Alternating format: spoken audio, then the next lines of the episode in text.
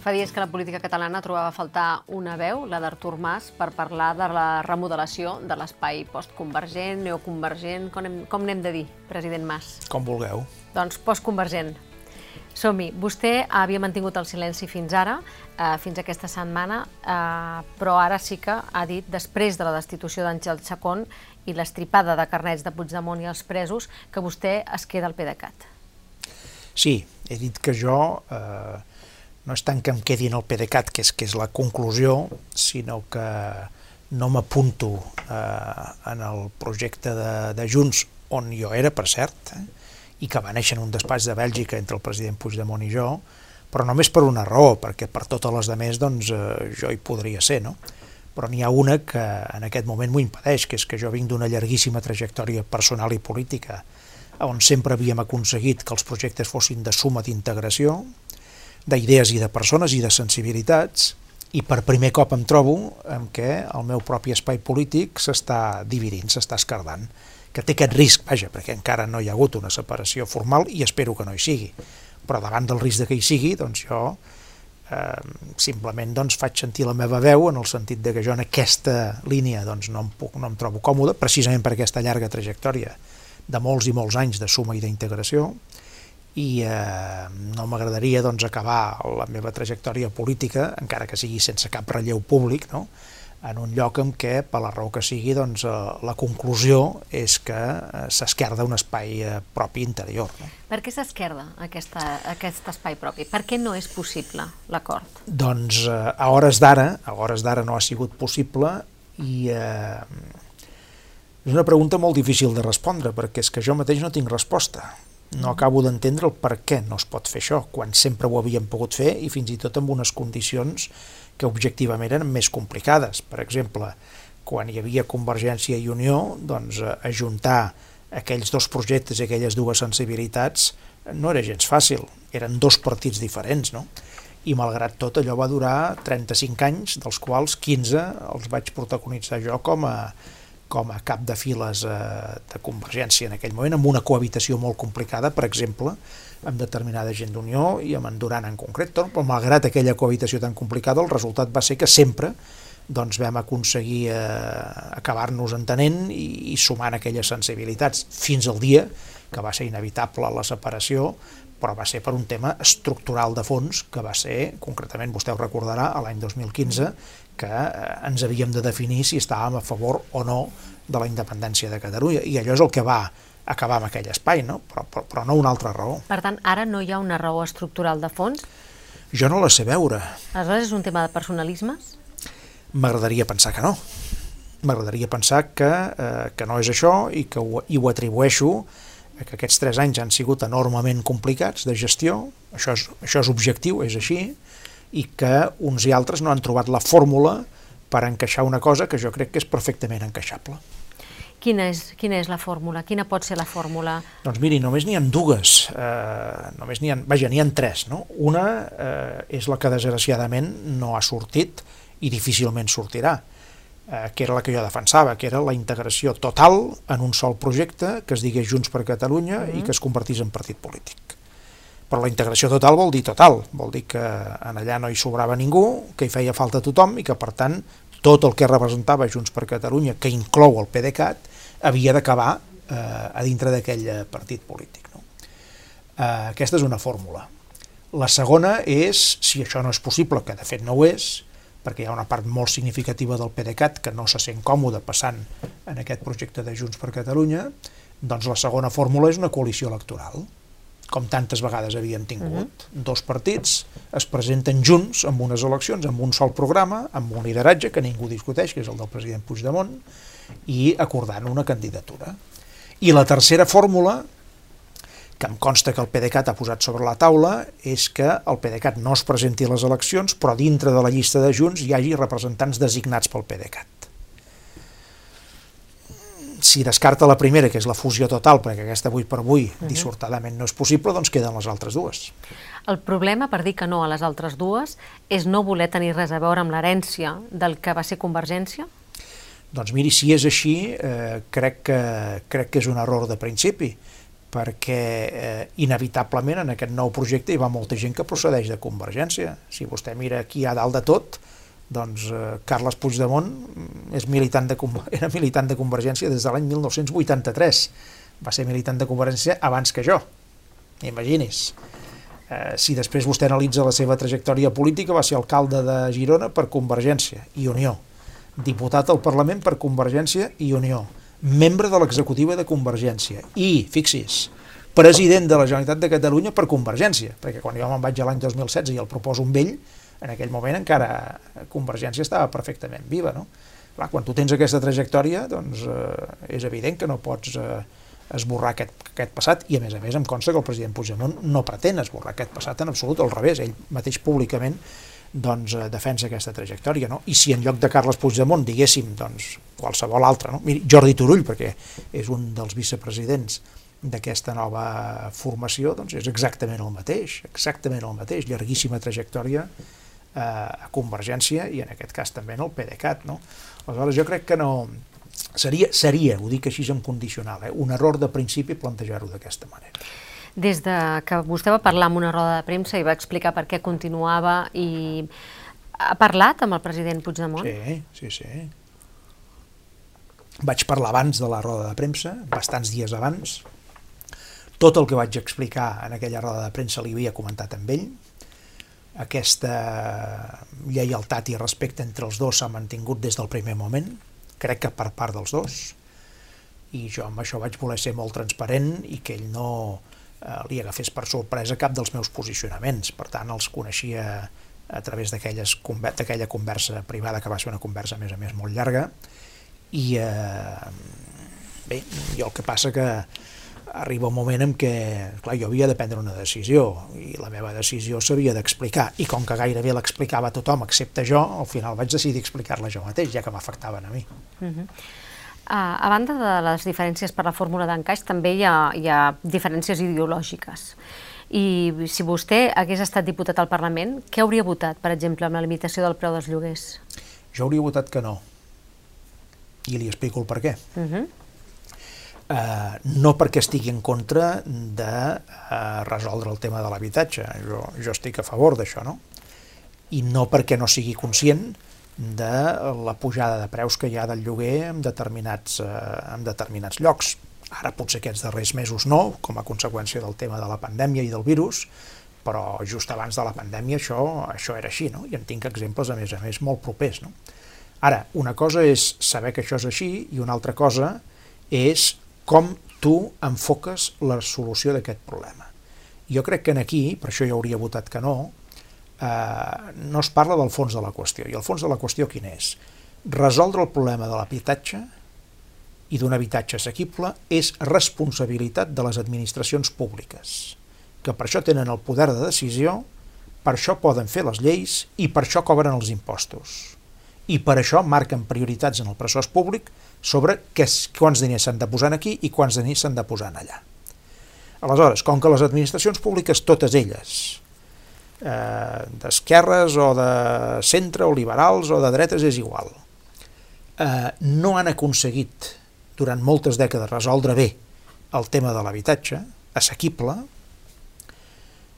la solució fàcil és carregar sobre aquelles persones que moltes vegades a títol individual han fet un gran esforç durant molts anys per posar els seus estalvis són gent que en lloc de gastar-se els diners els han estalviat en part no? i els han posat comprant algun habitatge en algunes zones que ara es volen limitar els lloguers i aquesta gent estalviadora, moltes vegades gent modesta i treballadora, ara es poden veure que els poders públics que no han sigut capaços de resoldre el problema ells mateixos, els hi carreguen sobre les seves espatlles la solució del problema. Jo per això hauria votat que no les... però sabent que el problema de l'habitatge existeix. Uh -huh. I jo el que passa, i, per, i parlo per experiència, i a més a més me'n sento també en part responsable, no hem sapigut resoldre des dels poders públics aquest problema com hauria calgut. Aleshores, president, potser el que estem parlant és també d'un problema ideològic dintre de... És que l'espai s'ha escardat i hi ha una part liberal, sí, liberal no, i hi ha una part que, això, que això, està buscant encara exactament la seva ideologia. Això, senyora Vera, pot tenir... dreta-esquerra, vull dir. Pot tenir, pot tenir el seu...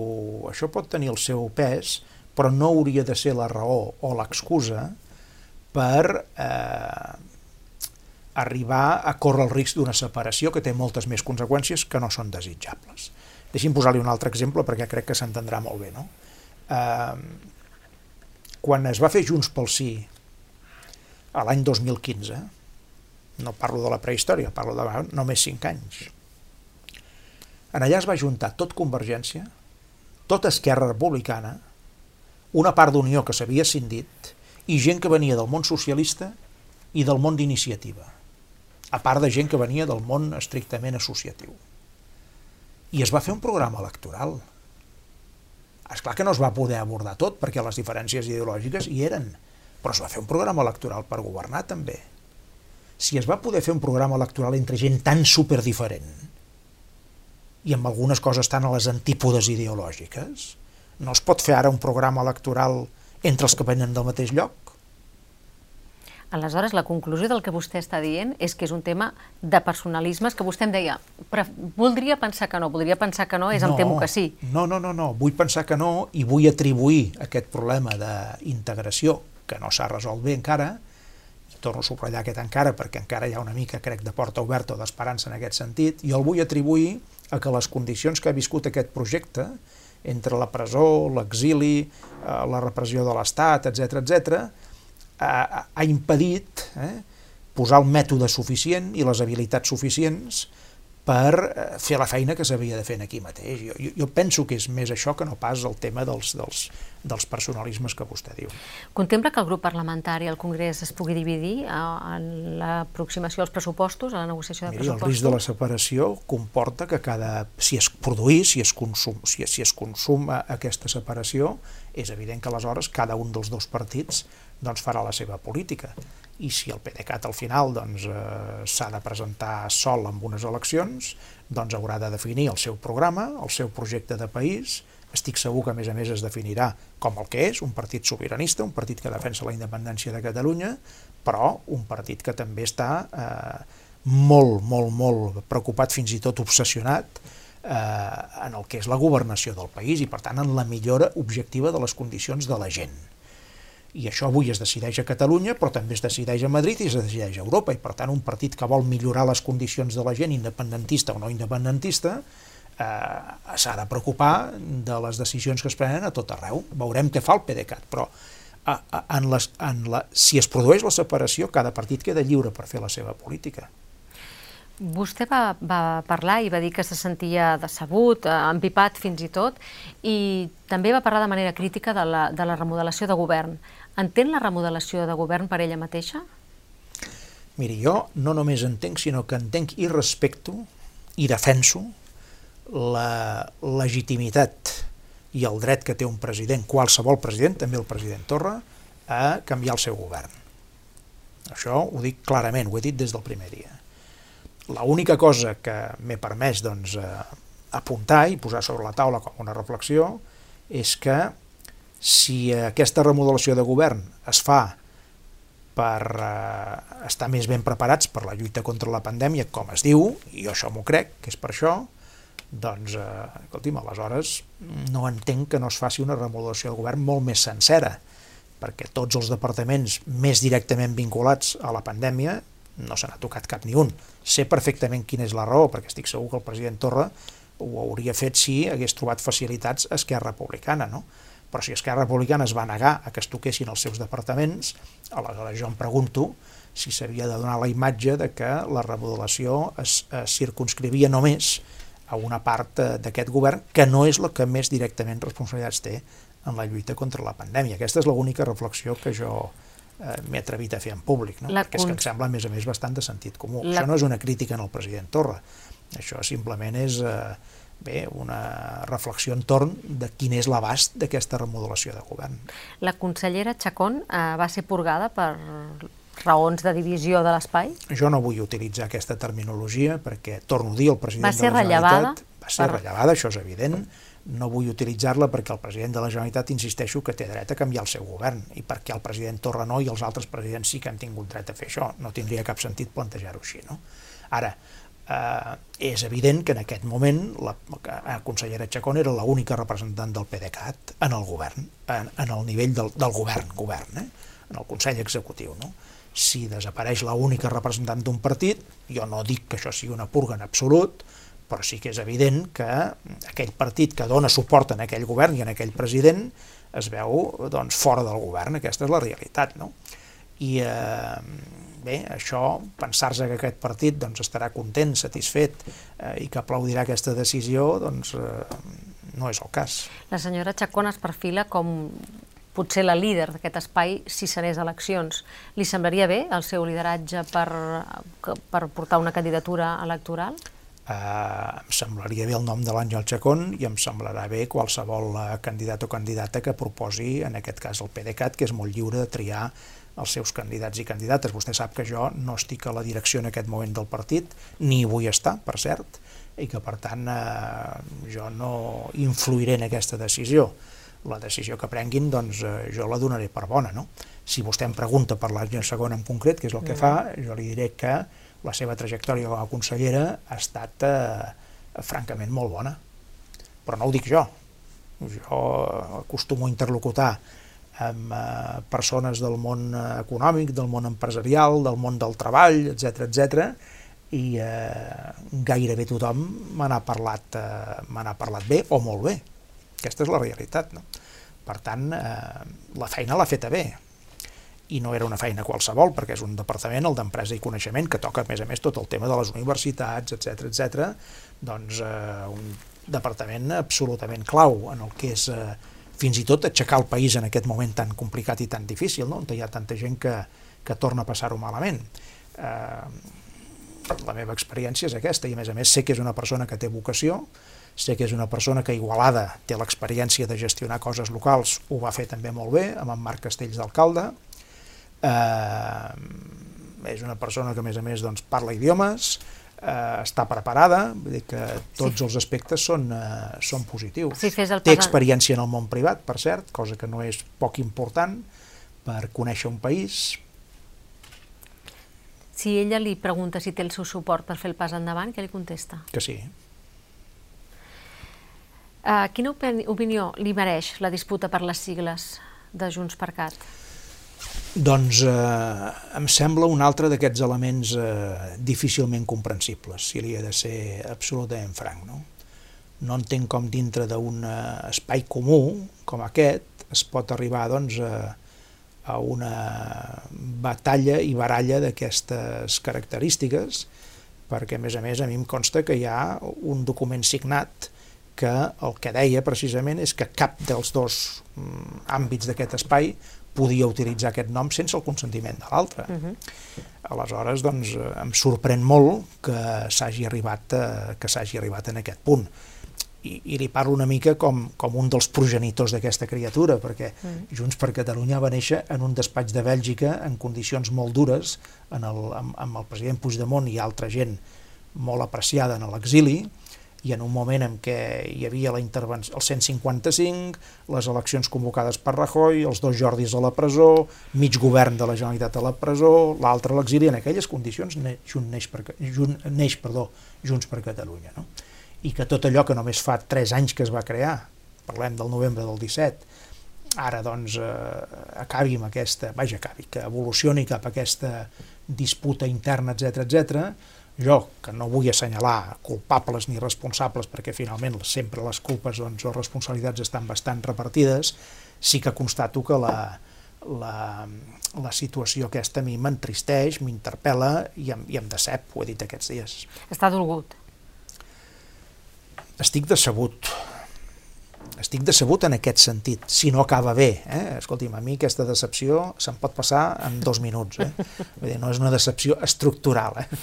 És purament una decepció veient com evolucionen les coses. Però si eh, demà veig que finalment hi ha un acord i que es troba la manera d'anar junts, mai millor dit, doncs eh, a mi la decepció se'm passa immediatament, eh? no, no, em caldrà, ara, no em caldrà ni un sol medicament. Uh, però a hores d'ara, que, no, que, que la situació és realment de distància, uh, vostè se sent responsable d'alguna manera d'aquesta situació? No, d'aquest no, senyora Vera, rotundament no. Jo em sento responsable de tot el que va passar, principal responsable, no únic, eh, però principal responsable de tot el que va succeir en aquest país i en el projecte sobiranista fins al 12 de gener de l'any 2016 ara farà 5 anys, que és quan vaig marxar voluntàriament, podent no marxar, com a conseqüència de la posició de la meitat de la CUP. Perquè la història és aquesta. I me'n vaig anar per una sola raó, una sola, perquè m'hauria pogut quedar, insisteixo, repetir les eleccions.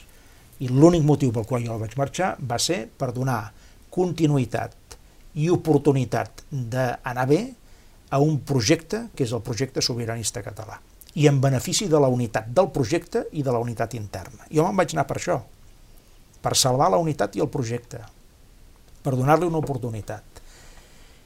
I, eh, esclar, quan tu marxes per això i sacrifiques la presidència de la Generalitat, que a mi m'havia costat 10 anys d'arribar-hi, i sang, suor i llàgrimes, mai millor dit, no? Doncs escolti'm, que quatre anys després vegi com a dintre del projecte sobiranista hi ha una baralla constant entre partits i entre persones a vegades, i dintre del meu propi espai tampoc es garanteixi aquesta unitat interna, doncs home, a mi això m'entristeix i em decep. I crec que tinc el dret d'expressar-ho perquè el pas que jo vaig fer al costat i per tant la meva decisió no era una decisió menor ni qualsevol. I com que no he demanat mai res des d'aleshores i només he intentat ajudar, encara em sento amb més autoritat per poder, ara que les coses estan com estan, dir, escolteu, eh, per aquí no anem bé. I el seu espai va perdre peu polític, o sigui, va perdre l'espai ideològic i polític la setmana del 27 d'octubre? És a dir, en el moment que no es convoquen eleccions, aquella nit en la qual s'havien de convocar eleccions i no es convoquen eleccions i es va d'una manera gairebé agònica a la, a la declaració d'independència, en aquell moment el seu partit, el seu, el seu espai polític perd peu? Jo crec que no, perquè independentment de que jo no vaig estar d'acord com és conegut amb aquella decisió i que hauria fet una altra cosa, i li vaig dir en privat al president Puigdemont i ho vaig defensar a tot arreu, i després ho he intentat explicar el per què, malgrat això, recordi que poques setmanes després d'aquell fet, eh, eh, en les eleccions del desembre del 17, Junts per Catalunya, aquell producte creat a Bèlgica, en aquelles condicions que li he explicat, eh, té un èxit electoral molt notable. Uh. -huh. per tant, és evident que el partit, eh, o l'espai polític, diguem-ho així, seguia tenint un suport eh, significatiu per part de la, de, una, de la societat catalana. Deixi'm que li pregunti d'una altra manera, perquè en aquelles eleccions és veritat que el, la situació de l'exili marca moltíssim la, la, el, el, el resultat electoral, però ideològicament Esquerra Republicana eh, ocupa l'espai tradicional que vostès havien, havien ocupat? Alguns moviments d'Esquerra Republicana actuals recorden maneres de fer nostres d'aquells anys. Però eh, sap aquella expressió castellana que diu la cabra sempre tira al monte? Doncs no oblidi mai això. Eh? I, I Esquerra és Esquerra i farà del que ha fet sempre. Ara jo crec que tàcticament doncs, eh, estan eh, bueno, canviant la seva manera de fer d'altres moments, són canvis a més a més molt profuns del que, vaja, molt, molt, molt cam, girs copernicans gairebé en el, en el que jo havia vist Esquerra quan, quan, quan jo estava a la Generalitat, Tenen dret a fer-ho, no dic pas que no, eh? Eh, tenen dret a rectificar, com estan fent, i a més a més tenen dret també a girar 180 graus el rumb doncs, que havien seguit eh, en aquells moments. No? Ara, eh, atenció, vull dir, les bases d'esquerra són les que són, molta gent d'esquerra veu les coses com les veu, i per tant, eh, quan, quan eh, passi el que jo crec que inevitablement passarà, que és que de tota aquesta taula de diàleg doncs a Madrid se'n vegi que el resultat no resol el problema de fons, no dic que no en surti res, però que no resol el problema de fons entre Catalunya i l'estat espanyol, aleshores Esquerra pot tornar eh, a aflorar, pot tornar a aparèixer eh, corrents eh, significatius, influents fins i tot, que reclamin un altre cop un gir, cap, però cap a un altre costat ja. Uh -huh. No ho descarto, vaja, no ho descarto. Eh? Com valora la decisió del president de la Generalitat de no convocar eleccions? Era una de les alternatives que tenia i no em sembla, no em sembla criticable. Jo sí. hauria avalat tant eh, que hagués convocat les eleccions com que no ho faci. És una... Miri, sap què passa? Que mm, tot porta les eleccions en aquest moment, excepte una sola cosa, que el president Torra ha dit que creu que no s'ha de fer. L'única cosa que no porta eleccions és que si el president Torra és inhabilitat, el Parlament de Catalunya triï per l'any llarg que queda un altre president o presidenta de la Generalitat. És l'única cosa que no porta eleccions perquè si l'inhabiliten, uh -huh. bé, si el president Torra les convoca abans de la inhabilitació del Suprem, doncs és evident que anem a eleccions. I si l'inhabiliten i no ha convocat les eleccions, el president del Parlament, vostè ho ha sentit eh, fa poc, eh, vaja, fa poc, ha dit ell mateix que activarà els mecanismes per arribar ràpidament a la convocatòria electoral. Per tant, tot aboca eleccions si no hi ha una, un candidat o candidata a la presidència eh, votat pel Parlament que no defenso, eh? no defenso aquest camí, dic, la, ho explico, diguem-ne, des del punt de vista de les opcions que hi ha sobre la taula. Eh? Eh, L'única manera d'evitar les eleccions és aquesta, si el president Torra és inhabilitat. Clar, n'hi ha una altra manera d'evitar les eleccions, que és que no l'inhabilitin. Uh -huh. Però, escolti'm, això no depèn dels partits eh, catalans, ni dels sobiranistes, ni del Parlament de Catalunya, ni de cap de nosaltres. Això depèn del Tribunal Suprem. I tot apunta que l'inhabilitaran. Carles Puigdemont ha apostat eh, estratègicament perquè, pel que ell anomena confrontació intel·ligent. Vostè ha dit que és, és la confrontació intel·ligent és la que permet guanyar. Eh, Junts per Cat hauria de concretar què és la confrontació intel·ligent?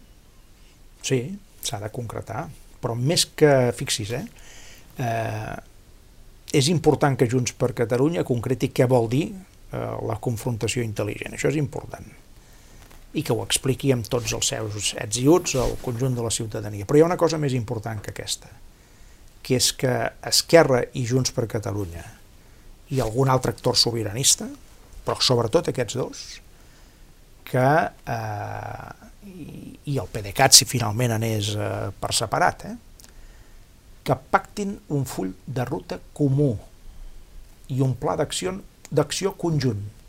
Això és més important que la definició de cada partit sobre què és el que vol.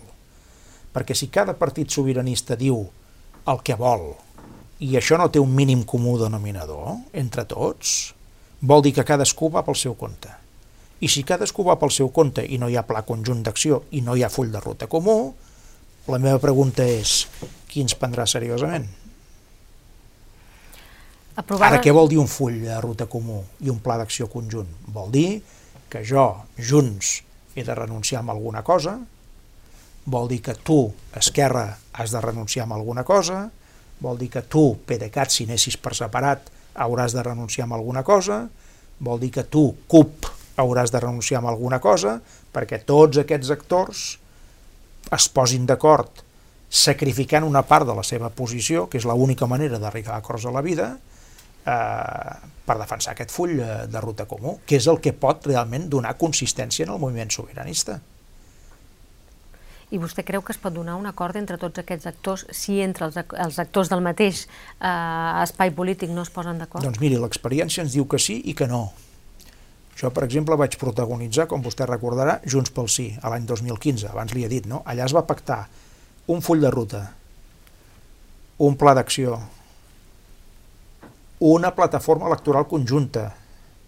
Se'n va derivar un grup parlamentari únic i un govern de coalició. I d'això fa cinc anys, per tant, és possible. Ara és veritat que a partir d'aleshores eh, pràcticament, bueno, sí, perdó, es va pactar una altra cosa molt important a partir d'allà, que va ser com s'arribava l'1 d'octubre.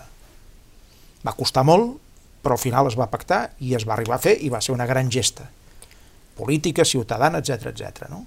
Però a partir d'aleshores ha sigut gairebé impossible, o impossible, eh, pactar aquest pla de, aquest, aquest, perdó, aquest full de ruta comú i aquest pla d'acció conjunt. Ja no parlo de plataformes electorals ni de grups parlamentaris eh, conjunts, etc etc. No parlo d'això, eh? parlo del mínim minimorum, que és eh, fixat l'objectiu, com hi arribem i com anem guanyant posicions cap a aquest objectiu.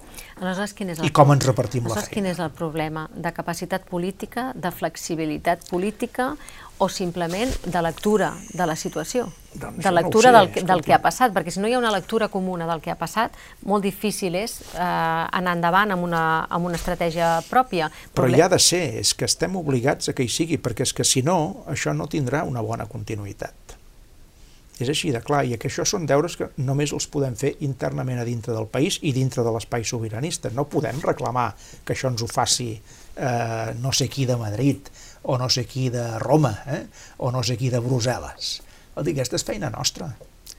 I la història recent demostra que l'hem sabut fer en alguns moments. Per tant, per què no ha de ser possible si ha sigut ja possible? Per què no ha de ser possible en el futur si ho ha sigut en el passat recent?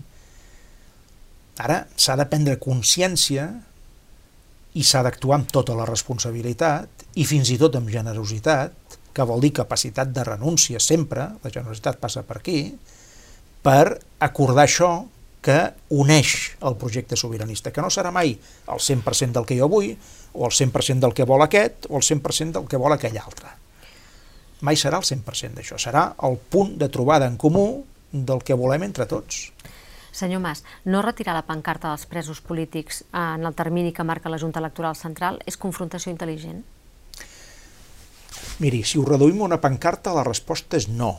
Si ho reduïm a què mm, simbolitza la pancarta, doncs eh, ja no pot ser un no rotund.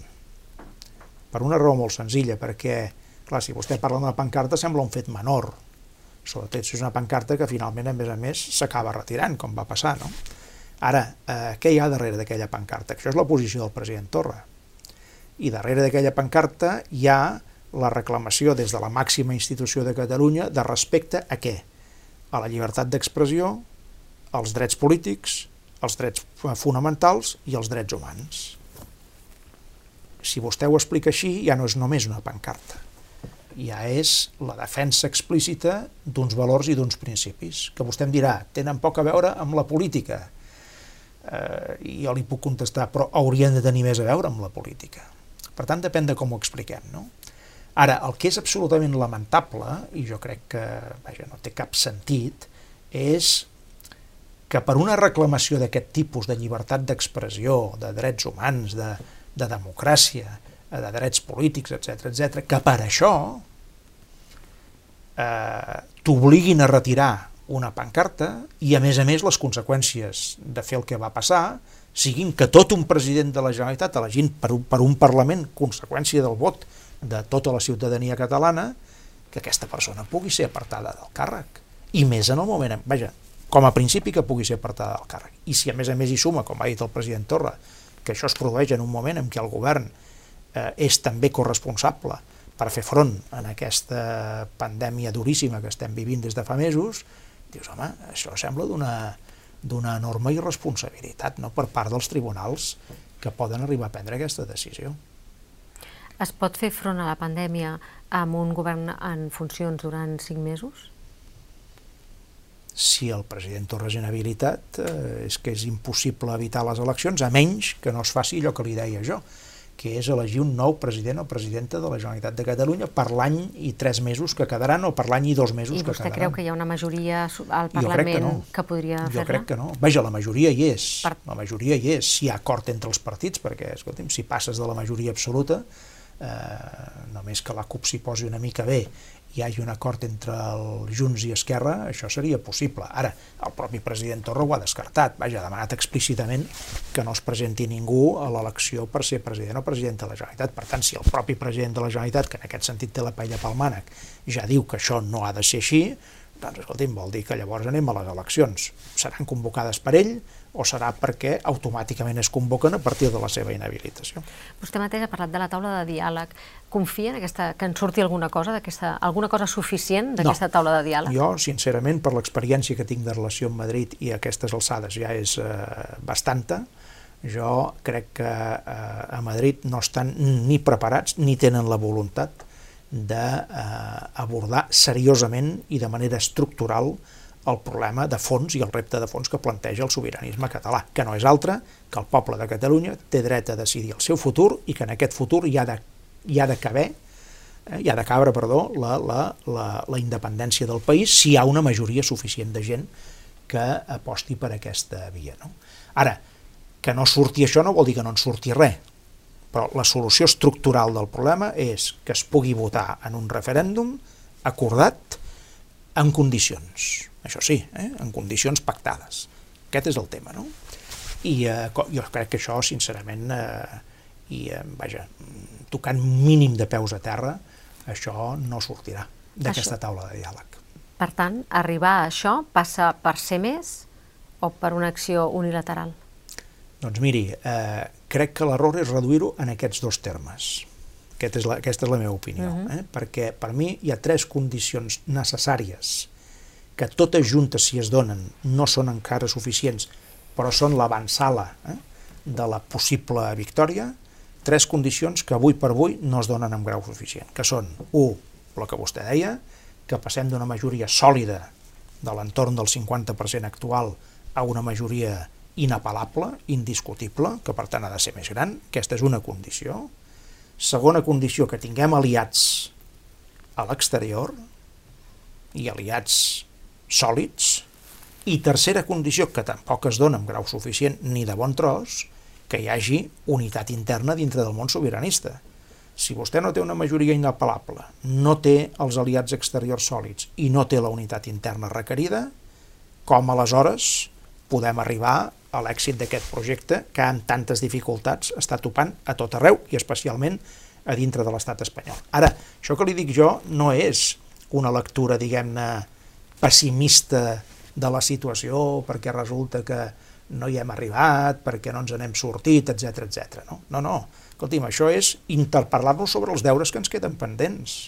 És mantenim l'objectiu, sabem que hem d'anar cap allà, però ens queden tres condicions per complir, sabent que quan les complim, per elles mateixes no et porten immediatament el resultat eh, que desitges, però són la condició necessària sine qua non perquè realment puguis arribar a aspirar a la victòria. Això és tal com jo ho veig. La diferència interna dintre del seu, propi, del seu espai, eh, és a dir, entre el PD, PDeCAT i Junts per Cat, és realment eh, la gestió en la institució o la, la institució eh, o, o el mentrestant? És a dir, el PDeCAT estaria per més, eh, més en la línia de preservar la institució i Junts per Cat en mantenir la confrontació? Miri, jo quan he parlat amb el president Puigdemont que representa Junts, eh, eh, no ens ha costat gens ni mica de posar-nos d'acord en aquest terreny, perquè els dos defensem el mateix tan important és mantenir viu el projecte sobiranista i fer-lo avançar en aquestes condicions que li deia que manquen, o que manquen amb un cert eh, grau o nivell, com, i ell també ho defensa, com gestionar la governació del país, que vol dir ocupar-se de les coses que inevitablement passen cada dia. Eh, honestament, ningú de nosaltres no sap, amb la mà al cor, quan Catalunya serà independent. No ho sabem Ara, el que sí sabem és que avui, a Catalunya, hi ha un problema de nassos per moltíssima gent com a conseqüència del que està passant. El que sí que sabem és que hi ha un munt de gent que estan o a l'atur o en els ERTOs. El que sí sabem és que hi ha sectors sencers que estan pràcticament parats. El que sí sabem és que hi ha un munt de coses tancades. Tot això sí que ho sabem. El que sí sabem és que tenim una amenaça sobre el nostre estat del benestar del futur. El que sí sabem és que ens estem endeutant fins a les orelles i que això són hipoteques per les generacions futures. Tot això ho sabem. Per tant, eh, ocupar-se d'això no és incompatible amb fixar un objectiu i treballar per aquell objectiu, sabent que aquell objectiu doncs, eh, el, hi arribaràs si ho fas bé o si ho fas molt bé en algun moment que en aquest moment no pots precisar.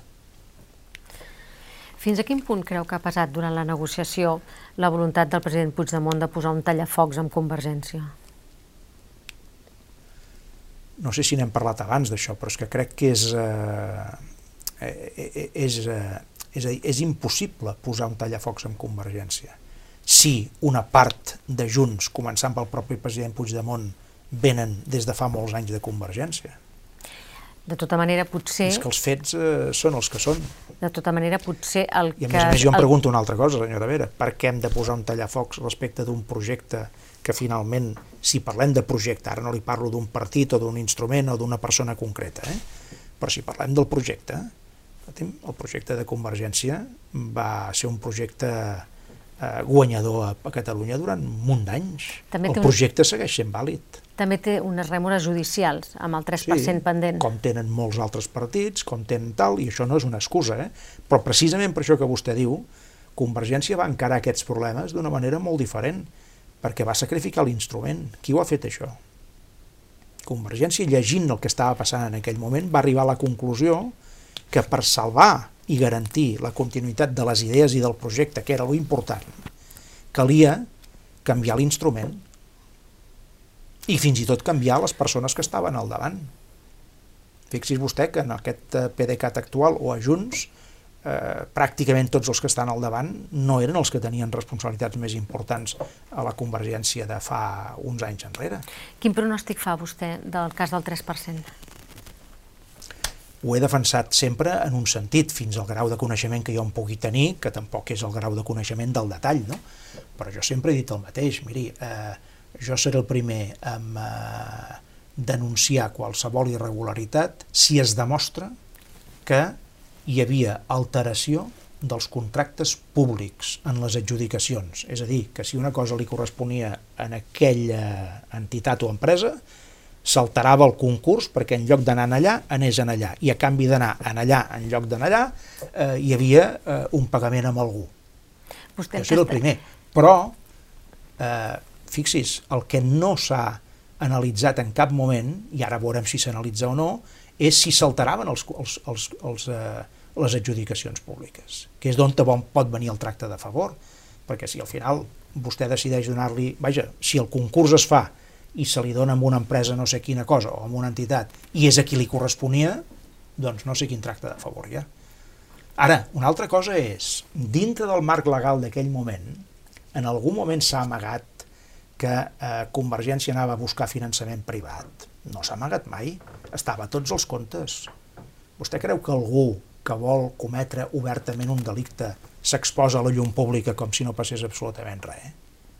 Si estava tot registrat a tot arreu, si ho sabien tots els organismes de Madrid, els comptes estaven dipositats en allà. És evident que hi havia finançament privat, com tenien altres partits, dintre d'un marc legal que ho permetia. Aleshores el que m'està dient és les adjudicacions es feien bé, els concursos es feien sí. fer... I, Fins i, on jo en tinc coneixement, i, sí. I es pagava per generositat de les empreses? No, per generositat no, per interès. Perquè, escolti'm, jo per què sóc d'un club o d'un partit? Perquè m'interessa ser d'aquell club o d'aquell partit, perquè tinc una sèrie doncs, de serveis o de beneficis, o perquè m'interessa que aquella gent que pensen com jo vagin endavant. Vol dir que era una influència com un lobby? bueno, com, com qualsevol persona que pertany a qualsevol uh, organització o associació, perquè creu en els objectius d'aquella organització. Va, hi havia molta gent, especialment en el món eh, econòmic, que veia en el projecte de Convergència un projecte que interessava per l'economia productiva del país. Certament. Ara, si alguna altra empresa buscava posicionar-se millor per tenir una millor relació personal amb no sé qui o amb no sé quantos, doncs escolti'm, això mm, no crec que fos un delicte. Això, miri, cadascú juga les cartes com creu que les ha de jugar i cadascú es posiciona com creu que s'ha de posicionar. Però la, la, el tema no és aquest, torno a dir, el tema és s'alteraven els contractes públics per afavorir amb un i perjudicar amb un altre? Aquest és el tema. I quina I vull és la recordar resposta? Una, i vull, quina és la bueno, doncs vull recordar una cosa, que escolti, que això a vegades s'oblida. Eh, quins són els òrgans que adjudiquen els contractes públics? Si moltes vegades els, eh, els, membre, els membres del govern no hi són pràcticament mai, amb, una, amb un òrgan d'adjudicació. Moltes vegades estan constituïts per eh, funcionaris, per alts funcionaris, o per càrrecs dels departaments, que són càrrecs de, de gestió, i, i moltes vegades no es posa en qüestió. És a dir, es parla de tot aquest tema de les comissions i de tot això, però no es posa en qüestió l'adjudicació perquè es pressuposa que està ben feta. I aleshores jo em pregunto, si l'adjudicació està ben feta, per què hi ha un tracte de favor? I tot això no s'analitza a fons. Ara, el fàcil és parlar d'això, parlar d'allò i fer causes generals contra determinats partits. Dit això... Causes generals, hi ha, hi ha un, hi ha un, això, hi ha un dic, tema que, que, ha, que, que ja ha estat jutjat, que és el tema del Palau de la doncs Música, miri, pel qual el senyor Daniel Osàcar està sí, a la presó. Senyora, i per això, i per això, eh, perquè jo mm, ho he explicat aquests darrers dies, no? Jo que no, estava en aquest, no estic en aquesta causa judicial, no, he, no m'han cridat per res, ni com a testimoni, ni com a imputat, uh -huh. ni com a acusat, ni com a res. No? Per tant, jo podria dir, miri, escolti'm, jo d'això m'és igual, no en sé res, etc etc. no?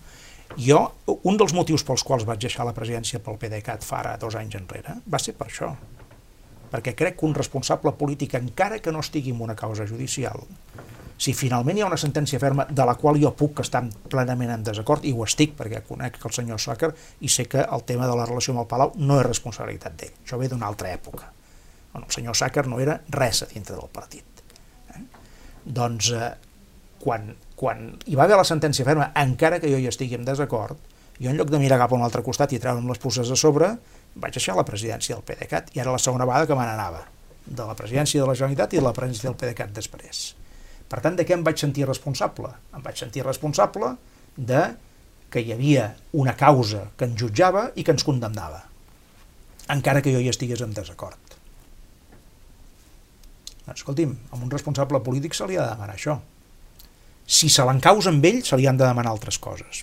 Però si no se l'encausa amb ell, se li ha de demanar que doni la cara i que, i que prengui decisions, no? que és el que jo he procurat fer. Vostè diu, això ve d'una altra època. De quina època? Dels anys 90, si és objectiu. Escolti'm, s'han de mirar els primers convenis amb el Palau de la Música, mhm. -huh. entre les fundacions de Convergència i el Palau de la Música, neixen en els anys 90.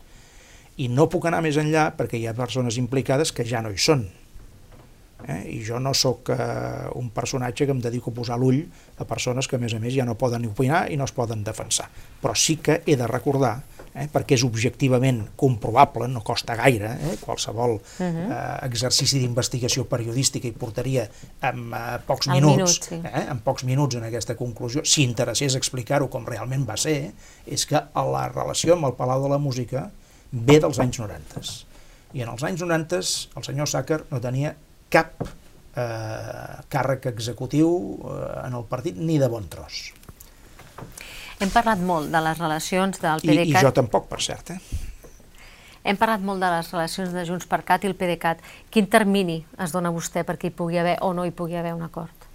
No puc posar terminis perquè em passen a mi que cada vegada que he posat algun termini amb alguna cosa m'he equivocat. Per tant, ja està, fora. No hi ha terminis, els que decideixin, els que prenen les decisions, que són els eh, responsables de, de fer-ho. No? Jo durant molts anys està, vaig estar al davant, vaig haver de prendre un munt de decisions i em vaig de fer responsable d'aquelles decisions. I intentar explicar les que, en positiu les que crec que eren correctes i eh, reconèixer doncs, en allà on, on no ho van ser, perquè en el balanç d'una persona i d'una acció política no cal dir doncs sempre hi ha llums i ombres, sempre hi ha encerts i errors, sempre hi ha actius i passius, no? i jo no sóc pas l'excepció d'això. Ara, eh, jo en aquest moment no tinc capacitat de decisió ni en els partits, ni en el meu partit, ni en el món sobiranista, ni en el govern de la Generalitat. Per tant, escolti'm, el que facin ells, doncs eh, jo el que puc fer en aquest moment és intentar ajudar. Per tant, com a, com a elector de base, si venen eleccions i no hi ha acord entre el PDeCAT i Junts per Cat, vostè votaria el candidat del PDeCAT? Miri, jo votaré a partir del moment en què conegui les ofertes electorals i les candidatures. Votaré a partir d'allà. I em vaig a sentir identificat amb el que defensa el partit en el que jo votaré. Fins ara és obvi que he votat el que he votat tota la meva vida, no?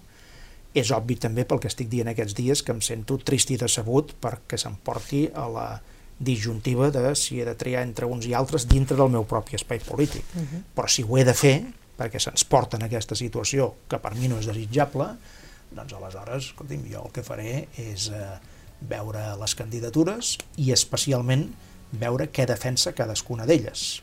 I en funció de què defensa cadascuna d'elles, doncs eh, decidiré a qui crec que li he de donar el pes que es necessitarà en el futur Parlament de Catalunya. President Mals, moltíssimes gràcies per venir, gràcies pel seu temps i gràcies per explicar-se als lectors de l'Ara. Gràcies a vostè.